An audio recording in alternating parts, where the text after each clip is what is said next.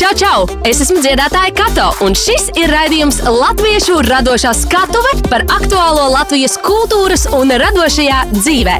Radījumu finansē Mēdīļu atbalsta fonds no Latvijas valsts budžeta līdzekļiem. Par raidījumu Latviešu radošā skatuves saturu atbild EHR Latviešu hiti. Mans vārds ir Kato un sveiciens visiem raidījumā Latviešu radošā skatuve. Mūsdienās viens no ekonomikas lielajiem dzinējspēkiem ir uzmanība. Gan slavenības, gan mūziķi, mākslinieki, uzņēmēji un dažādu nozaru eksperti, aktīvisti un vēl daudzi citi zināmā mērā pārtiek no uzmanības. Un iemesli tam var būt dažādi. Vienam tas ir ienākuma avots, cits cīnās par ideju vai pārmaiņām, vēl kādam tā ir profesijas neatņemama sastāvdaļa vai iespēja veidot veiksmīgu profesionālo karjeru. Neatkarīgi no situācijas, eh, publiskā tēla vai pat uh, sava personīgā zīmola veidošana ir process, ar ko saskaras jebkurš cilvēks, kurš, piemēram, regulāri kāpj uz skatuves, filmējas vai darbojas kā kādas jomas viedokļa līderis. Šeit arī iezīmē šī raidījuma galvenā tēma - sava publiskā tēla un personīgā zīmola veidošana. Šodien studijā uz sarunu esmu aicinājusi influenceru mārketinga stratēģi, modes un stila ekspertu Denisu Ševeļovu. Sveiks, Denis! Sveiki! Uzņēmējus, digitālā satura veidotājus, podkāstu Zili, Rozā vadītājus Evelīnu Pārkeri un Niklau Mičeli. Čau! Čau! Prieks jūs redzēt studijā, un uh, sāksim ar pirmo jautājumu, kurš skan šādi. Ar ko sākas uh, sava publiskā tēla, personīgā zīmola veidošana, un ko tas vispār nozīmē? Es varbūt sākšu. Aiziet. Es nošķirtu divas lietas - personīgais zīmols un tēls. Personīgais zīmols tas ir tas, kas pieder konkrētam cilvēkam, kuru tu vari ietekmēt, attīstīt, uzturēt, pārveidot. Un tēls publiskais tas ir tas, kā tevi, kā tavu zīmolu interpretē publikam. Respektīvi, tas ir ārpus tava kontrolas, ir atkarīgs. Un kā to veidot, ir vajadzētu atbildēt uz trīs uh, vienkāršiem jautājumiem. Tad, tad, uh, ko tu gribi panākt, kas ir tava misija, kas ir tavs darbības rezultāts. Otrais ir um, tavs pastāvēšanas mērķis, purpose, jeb varbūt motīvs, kā to tulko tezārijos. Tas ir jautājums, kāpēc tu to dari. Un trešais ir, kā tu to dari, un uz to jautājumu atbild arī tavas vērtības. Un tad viss kopā apvienot, veidojas tavs publiskais, personīgais zīmols. Jā, nē, es piekrītu tev absolūti par to, ko teici. Es domāju, ka ir gadījumi, kad uh, piemēram, šobrīd, mūsdienās, kad mēs dzīvojam tādā vidē, kur ir tik daudz satura, ko patērēt, tad uh, cilvēki sāk speciāli izdomāt, ka, oh, man ir jāveido kaut kāds savs tēls, lai atšķirtos no citiem, lai es būtu citādāks, man būtu citādāks saturs. Un tad bieži vien tas tēls, tieši tāpat kā mēs tikko pirms uh, šīs epizodes pieminējām, raidē raiti, un mēs runājam par to, ka, wow, vai tas ir tēls internetā, vai viņš ir tāds reāls cilvēks. Uh, bieži vien cilvēki veido savu tēlu tikai tāpēc, lai atšķirtos no citiem. Bet, piemēram, manā gadījumā, un es ticu, ka arī Niklāva gadījumā, mēs, kad sākām filmēt video, mēs pat neaizdomājamies par tādu lietu, ka man ir jāveido kaut kāds savs tēls. Es vienkārši filmēju video, un burtiski mans tēls izveidojās pats par sevi un mainījās arī vairākas reizes. Tā kā es domāju, ka nu, jā, ir, ir vai nu tas notiek dabiski, un vai nu tu neapzināti izveido to savu tēlu internetā, vai nu uh, tas ir tā, ka tu vienkārši izdomā, ka oh, es būšu tāds un tāds cilvēks, tas piesaistīs daudz skatījumu, tas piesaistīs lielu uzmanību, un tad es būšu attiecīgi tāds, tāds tēls internetā. Jā, es pilnībā, pilnībā piekrītu visam, ko Denis Evelīna minēja. Un, uh, ja tīpaši raidījums raids, man liekas, ir ideāls piemērs cilvēks, kas pavisam noteikti izmanto TikTok platformu un skatās, uh, zinās, par ko mēs runājam. Mums vienmēr likās, jā, ka nu, kā, kāds var būt ne tāds tik interesants un spilgts tēls, tāda personība. Bet uh, nav mums tik tālu no patiesības. Džeks vienkārši tāds arī ir kas ir uh, laikam diezgan labi. Jo viņam tad, kā, dažreiz var notikt tā otra galējība, kas ir tā tāda mazliet identitātes krīze, kur tu vai nu pārāk tālu atsevišķinājies no sava tēla un, un no zīmola un no visām šīm paralēlēm. Bet viņš, man liekas, diezgan veiksmīgi saglabā to vienā tādā rāmītī. Es vēl varu piebilst, man liekas, ka mans vispilgtākais tēla piemērs uh, pasaulē ir Parisa Hiltona, kura izveidoja to savu rebel, es tagad esmu tā Barbija meitenīte, un man ir viss šis tēls uh, uh, tēlu. Un tad pat neskatoties to, ka viņa savā dokumentālajā filmā, kas nebija atklāja, ka viņa īstenībā ir parasts cilvēks, kurai pat nav tā pārspīlētā balstiņa, viņa vienalga mm. uztur to tēlu, jo cilvēki viņai seko tā tēla dēļ. Cilvēki pērk viņas produktus, izmanto viņas uh, uzņēmējdarbības pakalpojumus un tādas lietas tikai un vienīgi pateicoties viņas tēlam. Jo visdrīzāk, ja viņa būtu vienkārši parasta tāda meitene, kāda viņa bija tajā dokumentālajā, ar laiku cilvēkiem tas apniktu, jo viņiem patīk skatīties tieši uz nu, to. Es domāju, ka sociālais tīklos, tīpaši, ja tu esi publiska persona, tad uh, jā, tā, tam tēlam ir ļoti liela nozīme un tas ir atkarīgs uh, no tā, vai tu māki noturēt to tēlu, kādēļ tev sāka sekot. Ar ko tēls un tā veidošanas process atšķiras fiziskā vidē no digitālās vidas? Viņš atšķiras ar to, ka digitāla vide mums principā piemet lielāku kontroli pāri savam tēlam, savam vēstījumam, un mēs varam vairāk kūrēt šo saturu. Mēs varam izvēlēties bildes, mēs varam viņus apstrādāt, mēs varam izvēlēties kādas bildes, tu kāda lēņa tu izskaties. Tev vienmēr ir iespēja arī pēc tam, ne visas platformas, bet Instagram un Facebook, tu vari pārredzēt tekstu, mainīt to, ja kaut kādi komati, piemēram, nepareizi satikti salikti vai nepareizi bija doma izklāsta vai nepietiekuši skaidri. Un um, mums ir arī laiks. Mēs varam apsēsties, padomāt, kā atbildēt. Un mēs varam piesaistīt arī citus cilvēkus. Atšķirība no, protams, fiziskas vidas, kad tev vajadzētu redzam, uzreiz rēģēt, un tad, ko tu esi teicis, tas arī pieder publiskai telpai uzreiz. Tā ir galvenā atšķirība. Es domāju, jā, īstenībā diezgan forši, piemēram, tādā ziņā, ja tev ir laiks dots, ja tev ir laiks tavā pusē, vai ne, ka tu vari kaut ko, es runāju, piemēram, no kaut kādas nezinu, montāžas vai ne, apstrādes un tādām lietām, ir uh, diezgan forši, jo tu vari atbildīgā veidā pārdomāt to, ko tu vēlēsies publicēt kaut kur, uh, kur pretī tai pašā digitālajā vidē arī, bet tiešajā laikā, tiešraidē kaut kādā, ir mazliet grūtāk to nodrošināt. Mm, tā kā jā, laiks, laikam, tas ir lielākais tāds bet... spēlētājs tajā. Jo, padomā, arī, kad tu esi fiziski uz vietas kaut kur, vai ne, tas publiskais tēls, tu vari kaut ko sačakarēties netīšām. Tu vari Bet, arī digitālā jā. veidā tiešādē sačakarēties. Bet, eh, ja tev ir kaut kādā pusē dots laiks, tad jau ir. Es piekrītu, no. bet es arī teikšu, ka digitālā vide nevienmēr uh, arī ir tā, teiksim, tā pozitīvākā. Uh, tāda iemesla dēļ, ka internetā paliek viss vienmēr. Tu nevari neko nekad izdzēst. Jo publiskajā vidē tu sačakrējies, nu, es domāju, fiziskā vidē tu kaut ko sačakrējies, vai tas ir tavā draugu lokā, vai tas ir kaut kādā intervijā, vai jebkur. Um, agri vai vēl cilvēki to aizmirsīs, vai kad cilvēki aizmirs lietas. Digitālajā vidē tu kaut ko ieliec vienreiz, tu atcerēsies vienmēr, to varēs atrast vienmēr. Un arī šobrīd, ierakstot nezinu, manu vārdu, Google noteikti var atrast kaut kādu. Es aizēju no šova, tur mm. iekrītu grāvī, tur es nezinu, es vienkārši vairs nevaru drāmu un lietas, kas man velkās līdzi jau deviņus gadus. Un es no tā vienkārši netieku vaļā, tāpēc ka tas ir internetā. Bet tieši tāpat, ja es vienkārši runāju ar cilvēkiem, un es pieminu, ah, tu jau noteikti zini šo drāmu, viņiem tāds - nē, Cilvēkiem nav zelta ziltiņas atmiņa, bet nav tā, ka dabīgi vienkārši, diemžēl, vai par laimi, tiek daudz kas piedots šīs planētas. Tieši tā, vienkārši. bet es domāju, ka digitālā vidē ar šādām piedošanām ir tik galā daudz grūtāk nekā fiziskā vidē.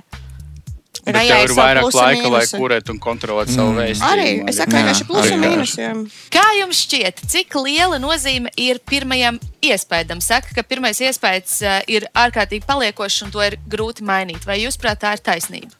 Really? Grūti mainīt, teiktu, ļoti atšķirīgs manuprāt, no situācijas. Jo Man liekas, var, man liekas, var mainīt neatkarīgi, cik slikts vai labs tēls cilvēks varētu būt, vai cik viņš labs cilvēks vai slikts varētu būt. Man šķiet, ka digitālajā vidē ir daudz vieglāk. Um, to iespēju mainīt. Piemēram, man arī ir tā, ka man ir kaut kāda perioda, kad es lieku tikai bildes un storijos, beigās neko nelieku. Un tad, piemēram, kāds man piesako tieši tajā laikā. Un, piemēram, šobrīd, kad es pēdējā laikā lieku ļoti daudz storijas un stāstu vairāk par savu dzīvi un, un lietām, un tur es nezinu, paceļu tādas tēmas kā akne vai mobbings skolā un tam līdzīgi, man cilvēki raksta wow, tā kā paldies tev, ka runā par šīm tēmām. Es agrāk tev sekoju, man liekas, ka no tevis nav nekāda jēdzīga influencer, un tagad es saprotu, ka tu tiešām kaut ko dari lietas labā. Līdz ar to, kā, nu, kādā periodā tevi noķer, eh, tādā periodā, principā, tas iespējas par tevi rodas. Bet, ja tev turpina sekot, tad, nu, attiecīgi, tu arī mainies. Ar draugiem man liekas, ka mums visiem daudz maz ir tā, va, nu, piemēram, vai draugiem vai darbiniekiem, piemēram, ko mēs meklējam, lai ar ko strādāt kopā. Nu, ja tev būs desmit cilvēku priekšā, tad tu izvēlēsies to, ar kur tev ir vislabākais iespējas, un ar to arī turpinās komunikāciju un savu laiku netērēs uz citiem cilvēkiem. Tajā pašā laikā digitālajā vidē man liekas, ka tas pirmais iespējas nav kaut kas, ko tev dod, bet ko tu jau izvēlējies. Tu izvēlējies kādam piesakot, tu izvēlējies kādu skatīties. Savā veidā tu jau tā kā izvēlējies pēc kaut kāda, balsoties uz kaut kādu iespēju, ko vai nu tev par kaut ko ir stāstījuši, vai nu tu pats tā kā esi atradis. Man liekas, jā, pir pirmais iespējas ir uh, mega, mega, mega svarīgs, bet uh, ilgtermiņā es domāju, ka tas ir grozāms. Un, kas ka ilgāk cilvēks, uh, ilgāk cilvēks seko līdzi, jo vairāk viņš arī var to savu iespēju optimizēt kaut kā par cilvēku. Jā, pie nosacījuma, ka viņam bija veidojis tāds iespējas, kurš uh, sekmē sekošanu tev. Nu, jā, jā, Bet uh, šādi mums strādā psihē, tas ir evolucionāri izveidojis, ir tas četras uh, slavenas F reakcijas. Tad pirmā ir fight, cīnīties, otrā flight, bēgt, ja freeze ir sastingt, un ceturto F jūs paši varat atminēt.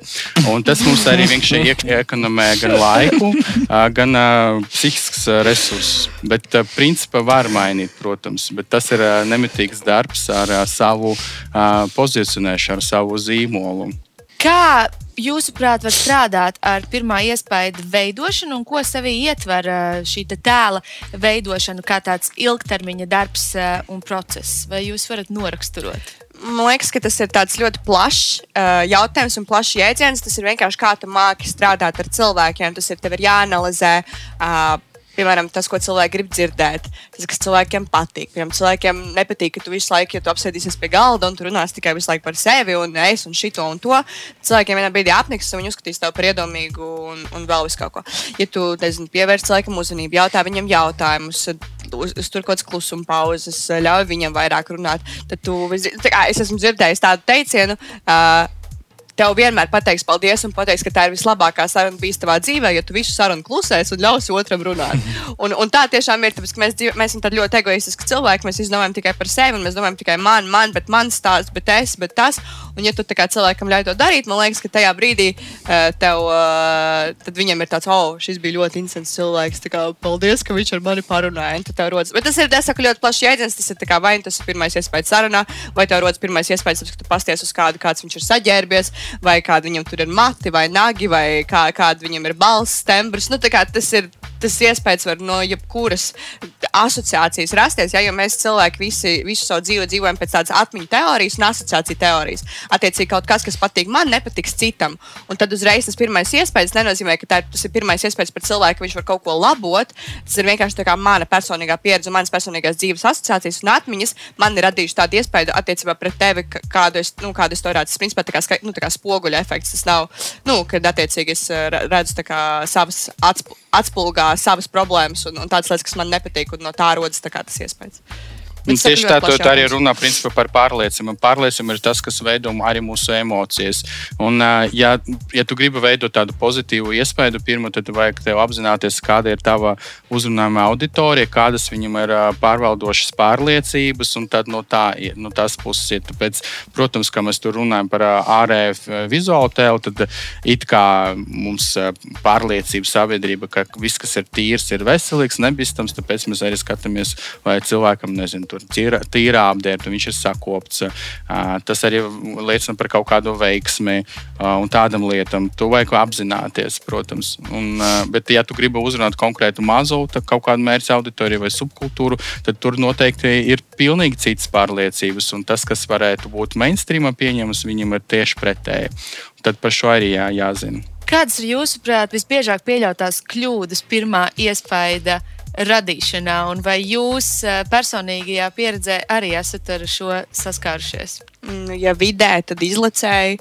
Nu, tā, tā, tādā ziņā, ka nevis, kad izlacēji, ka es domāju, tādu, ka ir tie, tie cilvēki, kas ir ļoti skaļi. Man vispār kaitina cilvēki, kas ir ļoti, ļoti skaļi, ļoti daudz. Viņi zina, ir tāds cilvēks, kas ir daudz. Jā, mm -hmm. un tad visam ir jābūt apkārt un pār viņiem. Ja cilvēks tiešām ir interesants, un vienkārši ir interesanti viņu skatīties, un viņam ir par ko būt interesantam, tad lūdzu, es skaļākais telpā, man kā interesēs tev, tevi skatīties. Bet, ja tev nav nekāda saistība, nu, es nezinu, nu, vienkārši jā, laikam tad izlasē man ļoti kaitina. Kas tev kaitina? Jā, nē, es domāju, tas kļūst diezgan. Uh diezgan visādas daudzas, domāju, ir bijušas katram no mums. Uh, nenāk, protams, nekādas pilni tādu piemēru galvā.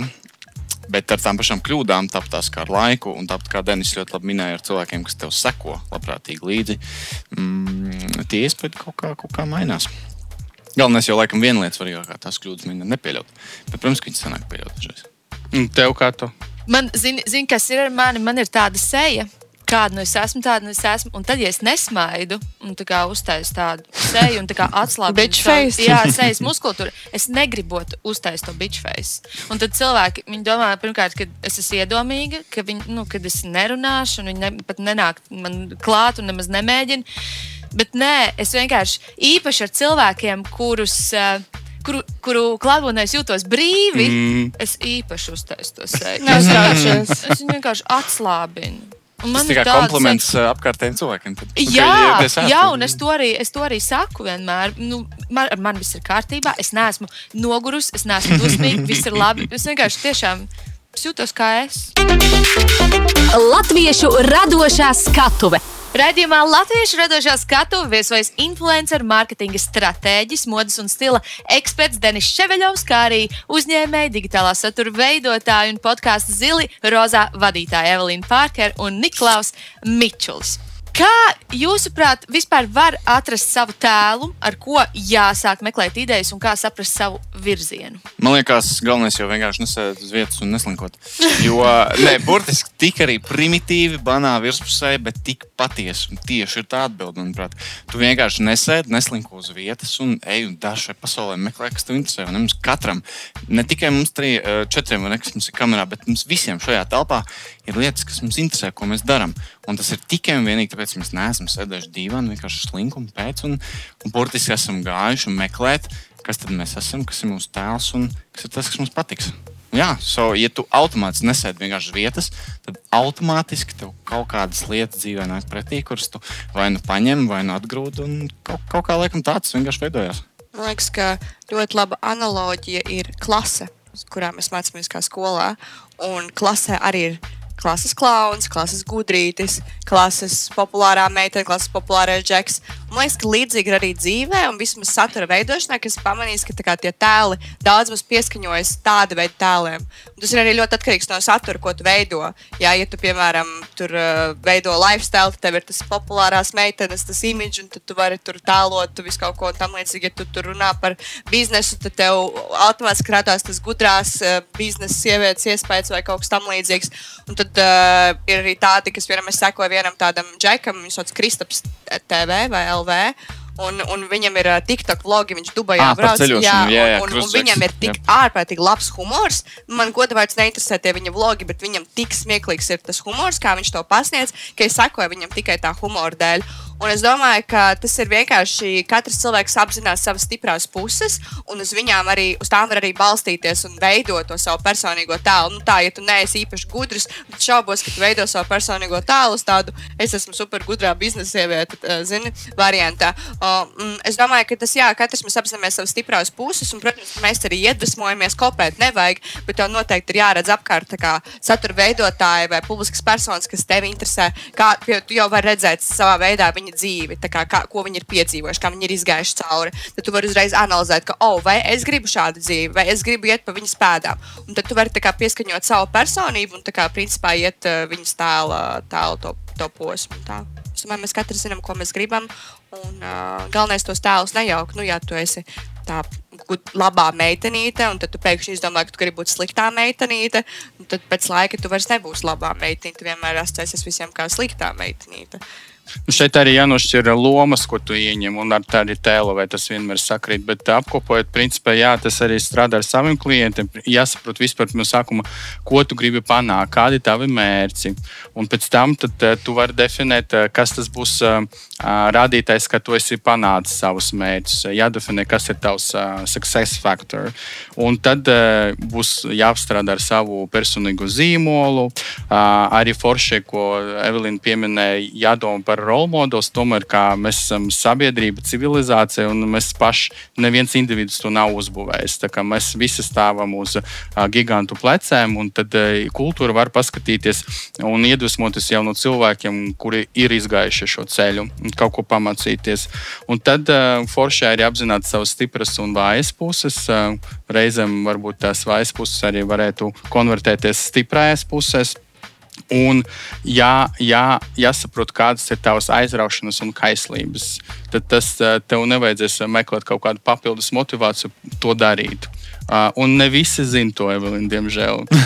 Jā, nu, kas viņam patīk un ko viņi grib panākt. Nē, tas man liekas, tāds never bet, ending, uh, nekad nebeidzošs ceļš. Pie, piemēram, tas, uh, nezinu, vai tu zini to TikTokeri, viņu, es arī drīkst teikt, Lamārdu, viņam vienkārši tāds sniks Instagramā, TikTokā viņš sasauc. Ah, tas džeks.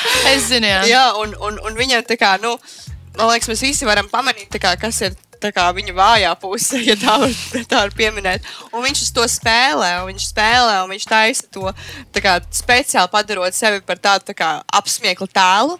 Bet es satieku viņu reālajā dzīvē, viņš ir pilnīgi normāls džeks. Pilnīgi normāls pusaudzis, runā pilnīgi normālā balsī. Varbūt kaut kādā ziņā viņš mazliet paspīlēt to tēlu veido.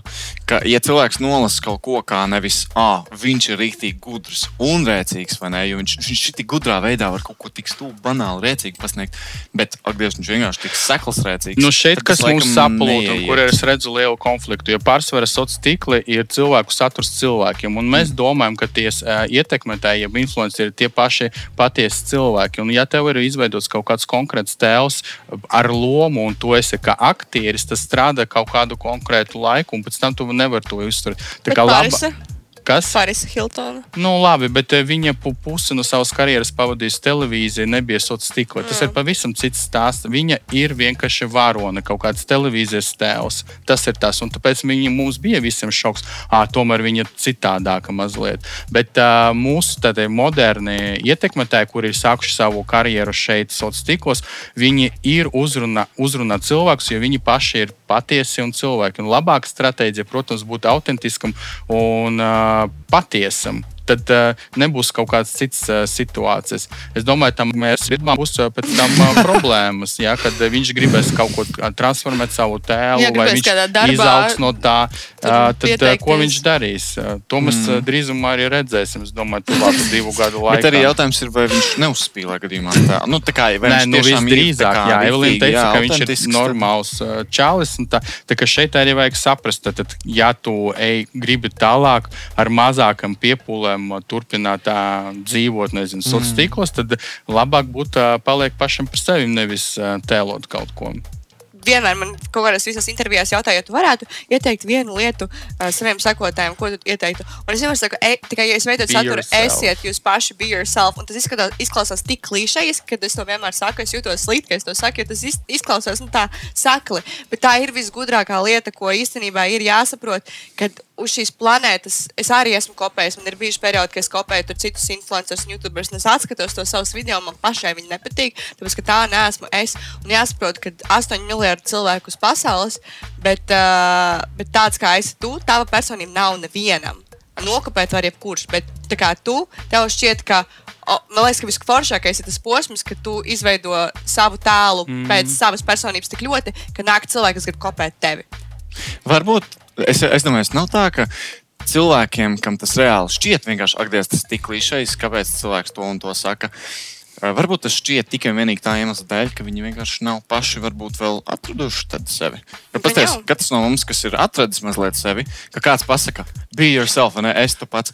Man tas neliekas klišejiski, tāpēc, ka tie nav vienkārši vārdi, tās manā galvā uzreiz darbības. Tas kā izprovocē manī domas, ka es saprotu, kā to pielietot to teikumu. Jā, no nu, reizēm tas pieprasa drosmi, jā, kaut kā tu nu, saproti, protams, ka iekšē tu pavisam cits un tev ir kaut kāds sabiedrības spiediens, gaidas tur no saviem uh, rādiem un draugiem mm. un tu esi apspiests. Bet fuck it, be yourself. ne, man liekas, ka tieši pašam būt ir visvienkāršāk, nevis uh, visu laiku mm. tēlot. Tas prasa kaut kādas drosmes no sākuma. Īpaši, ja tu esi tas, tava patiesība būtība ir ne tik konvencionāla. Nē, man šķiet, ka tas, ka tu uztaisīji kaut kādu tēlu, tu vienkārši gribi patikt visiem. Tā Un arī tāpēc- būt, tāpēc jā. tu Jā, vai arī tu vienkārši beidz kaut kur kaut kā no sevis, vai arī mēģini izpatikt. Tas jā. nevienmēr ir slikti. Tas ir atkarīgs no taviem mērķiem, protams. Tieši jā. tā. Kad veido tālu, es nedomāju, to eh, tev visu laiku ir jābūt tev pašam arī uz visiem iepriekšējiem jautājumiem, ko es atbildēju. Ar to tēlu veidošanu tas var būt elementāri vienkārši saturs, kādu tu veido, kā tu samontē, kā tu sevi iznes, kā tu ģērbies. tas ir tas tavs tēls. Bet personība un tās tēmas un tavas vērtības, par kurām runāt, tam ir jābūt tev pašam. Manuprāt, vispār. Jā, visu to tavu tēlu, to tavu stils, kā, kā tu vispār dari lietas. Uh, nu, viss var darīt vienu to pašu, bet tas tavs, tev tā personība laikam jau pieliek to asumiņu tam visam. Kas tā kā to atšķirību kaut kādu laikam parāda. Parunāsim par konkurenci. Eh, Vai publiskajā vidē, piemēram, influenceris eh, konkurē ar citu influenceru? Mm, es uzskatu, ka mm, mēs viens otram varam palīdzēt. Nu, piemēram, man satura veidotāji, es nekad neesmu izjutusi tādu kaut kādu, varbūt pašā sākumā, kad mēs bijām kaut kādi trīs influenceri YouTube, tad man bija tāds, oh, man jābūt labākai. Zini? Bet tagad man liekas, ka tā vide ir tik plaša. un, Piemēram, es arī tikko biju Igaunijā ceļojumā, un es iepazinos ar uh, ļoti daudziem ietekmētājiem no citām valstīm. Un mēs vienkārši kopā dalījāmies. Man dalījās ar dažādiem life hackiem un lietām, par kurām es nezināju. Palīdzēja man taisīt stāstus, filmēt video, taisīt bildes, kaut kas tur man vispār samontēja. Nu, kā, eh, Tā ir tāda, man liekas, tā nav konkurence. Ja, ja, tu, ja tu uzskati to par konkurenci, tad tā vide, man liekas, nav tik ļoti priekš tevis. Jo šeit mēs viens otram tomēr palīdzam. Tā kā tie trendi ir vieni un tie paši, satura veidotāji ir dažādi, un mēs esam tomēr šeit, lai viens otram palīdzētu. Nu, personīgi es konkurenci neizjūtu uh, šobrīd, bet es atzīšu, ka jā, pašā sākumā, kad tas tikai sākās, tad man bija tāds bezmaz vai maratons, kurš būs pirmais. Es domāju, ka man liekas, ka mazliet ir kaut kāda veida konkurence. Katrā ziņā, ja ne es, ne tu, ne Denis, ja, ne, ja, neviens no mums neizjūt tādu, ah, ka mums kaut kāda konkurence, tad jau tas ir labi. Mēs esam diezgan labā, veselīgā pozīcijā. Bet es pavisam noteikti domāju, ka ir kaut kāda veida konkurence, jo dienas beigās cilvēki. Tik cik alkatīgi cilvēki pirms 20 gadiem bijuši, tik arī tagad, un vai ne dzīvē, tu nevari ņemt, tā kā tu nevari atteikties no mazāk, mazāk, tu vari ņemt tikai vairāk un vairāk. Un dabīgā veidā, tāpat kā ar jebkuriem lieliem, piemēram, diviem zīmoliem, viens nekādā veidā nevar pārsist otru, ja tev nav konkurence. Man liekas, ka konkurence ir laba lieta izaugsmai, ja tā ir veselīgā veidā. Un, jā, tāpat kā teicu, ne? te nav mums nekāda konkurence. Mēs vienkārši darām to, ko mēs, Mēs neesam to, ko nekādi mēs- konkurenti. Jā, mēs neesam. Tā kā Mēs vienkārši, godīgi sakot, darām vienkārši to, ko mēs darām. Un uh, kaut kādos, varbūt citos burbuļos ir noteikti spilgtāka tā konkurence. Nu šeit mēs varam izvēlēties, vai konkurēt savā starpā, bet ko mēs nevaram izvēlēties, vai mēs konkurējam par uzmanību. Mēs dzīvojam tomēr uzmanības mm. ekonomikā. Katram no mums ir 24 stundas diennaktī un tik ā, daudz uzmanības resursu, cik ir. Un tad tu konkurē tieši, vai ā, nezinu, es pagatavošu tur ēdienu, pavadīšu ģimene, ā, laiku savu ģimeni, vai skatīšos kaut kādu TikToku. Ā, Un mēs arī redzam, ka liet, dažādu platformu lietotāju daudzums Latvijā nav baigi audzis. Instagram tie 675 tūkstoši. Šis cipars baigi nav mainījies pa diviem gadiem, un es nedomāju, ka būs vairāk. Protams, ka varbūt tagad cilvēki migrē vairāk uz TikToku, kur jau tu konkurē ar kaut kādu algoritmu, vai viņš uzskata tavu saturu vērtīgu vai nē. Un tā ir man šķiet tā lielāka konkurence. Jā, īstenībā es, es aizdomājos diezgan labi pateikt par to, ka cilvēku skaitu, jo mēs nevaram visu konkrēti. Mm. Šī, mēs esam tik, mēs esam pagaidām tuvākajā laikā, ne? Bet uh, ar uzmanību gan var konkurēt, laikam, tiešā vai netiešā veidā. Kā. Jebkuram publiskam uh, cilvēkam ir gan sekotāji, gan arī tā saucamie hateri. Un, uh, kā tikt galā ar, uh, ar to negatīvo pusi, ar naidu, aizskrošiem komentāriem? Kā jūs uz to reaģējat? Vai kā jūs uz to reaģējāt, varbūt savas uh, karjeras sākumā? Nu, man laikam ir tā vislielākā pieredze ar heitu. Jo es saku, es biju viena no pirmajām, kas sāka, un tajā laikā neviens vispār neko nesaprata par YouTube. Es tiku ne tikai uh, pazemota interneta vidē, bet arī publiskajā vidē, kas ir skolās un visādos pulciņos un tam līdzīgi. Kā, uh, mana reakcija uz to vienmēr jau no paša sākuma bija ignorēt, bet tad, tajā laikā man tas šausmīgi sāpēja. Nu, tā ka ļoti. Um, tagad man ir tā kā bieza āda, daudz gadu pagājuši, es to vispār nepamanu. Un bija periods, kad es eh, dzēsu ārā komentārus, jo man likās, nepiesārņo mana vide. Bet eh, mēs jau pieminējām Raida Raiti, un viņš bija mūsu podkāstā iepriekšējā sērijā, un viņš teica, Bet uh, tas ir labi, ka tev raksta negatīvs komentārs, jo tas vairo komentārus, un jo vairāk tev ir komentāri, piemēram, zem tā paša TikTok video, jo vairāk tu, uh, biežāk tu būsi for you page. Un, Algoritms. algoritms. Un tas ir tīrākais algoritms, jo mēs tiešām esam kā uh, in a bubble, un uh, to visu kontrolē algoritms. Un pateicoties, ja tu man gribi rakstīt desmit negatīvus komentārus uh, ikdienā, man vienalga. Pateicoties taviem negatīviem komentāriem, manas video pamana, man ir vairāk skatījumi, man tas nozīmē, ka atrod vairāk sadarbības partneru, un rezultātā es varu vairāk nopelnīt no tā, ka tu raksti man negatīvus komentārus. Savu paldies! Es domāju, vecums arī cilvēku pavisam noteikti spēlē lomu. Jo, kā tu minēji, tu, esi, nu, kā tu biji jaunāk, ne, ka tu visu to sāki un darīji, tāpēc tev ir pagājis labs laiks, lai uzaudzētu to ādu. Mm, loģiski, ja pirmoreiz dzīvē, man liekas, nezinu, nu, piemēram, salīdzinot, man liekas, cilvēks ir 30, vai ne? Viņš pirmoreiz dzīvē dabūja negatīvu komentāru, vai cilvēks ir 13, pirmoreiz dzīvē dabūja negatīvu komentāru. Kaut kādas izmaiņas un atšķirības gan jau tur būs, bet, nu, jā, diezgan grūti spriest, jo es domāju, mums visiem jau kaut kāda āda ir uzaudzēta un tik, cik banāls izklausās, vai ne? Ka nu, vienkārši neņem tos cilvēkus galvā.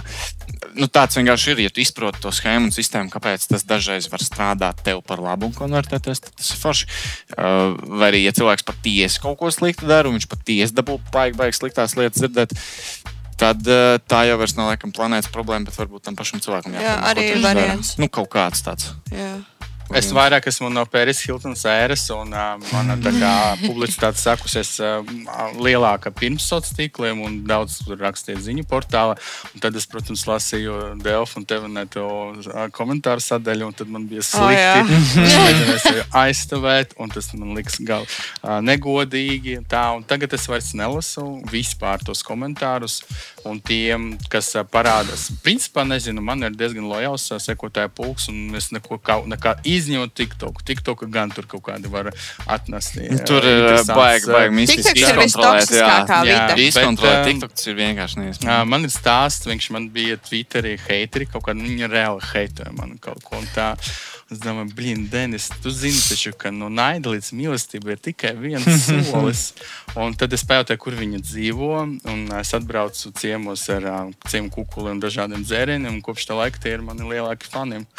Es pie tādiem izcili negatīviem uh, komentāriem, uh, kur man tā kā nu, izdara mazliet pāri, es vienmēr ierakstu kaut ko ļoti pozitīvu, un Jā. es vienmēr pasakos, paldies uh, par to komentāru. Un, un cerams, ka nākamreiz vairs es nedziedāšu tik slikti, un tas neizklausīsies vairs tik slikti. Un tās sarunas bieži vien izvēršas pilnīgi, pilnīgi uz otru pusi. Tas ir labs resurs. Tie heiteri reizēm varbūt viņam tieši neheito, viņi gribētu pievērst vairāk uzmanību, vai kaut kas viņam gribētu. Nu, reāli tas ir. Nu, naida līdz mīlestībai ir viens solis vai viens Dumts. komentārs. Mamma vienmēr, man bija video, kā tik galā ar mobbingu kaut kur 15 gadu vecumā izlaida. Manā mamma vienmēr teica tādu analoģiju, un viņa palikusi galvā. Stu- Stulbākais piemērs, bet strādā. Ja tev skolā pasaka, ārpēc, cik tev ir neglīta skolas soma, tu atbildi, jā, man gan ļoti patīk tavējā. Un tajā brīdī tas cilvēks sajūtas slikti, tāpēc, ka mm. tu tā kā, viņam atbild ar pozitīvo.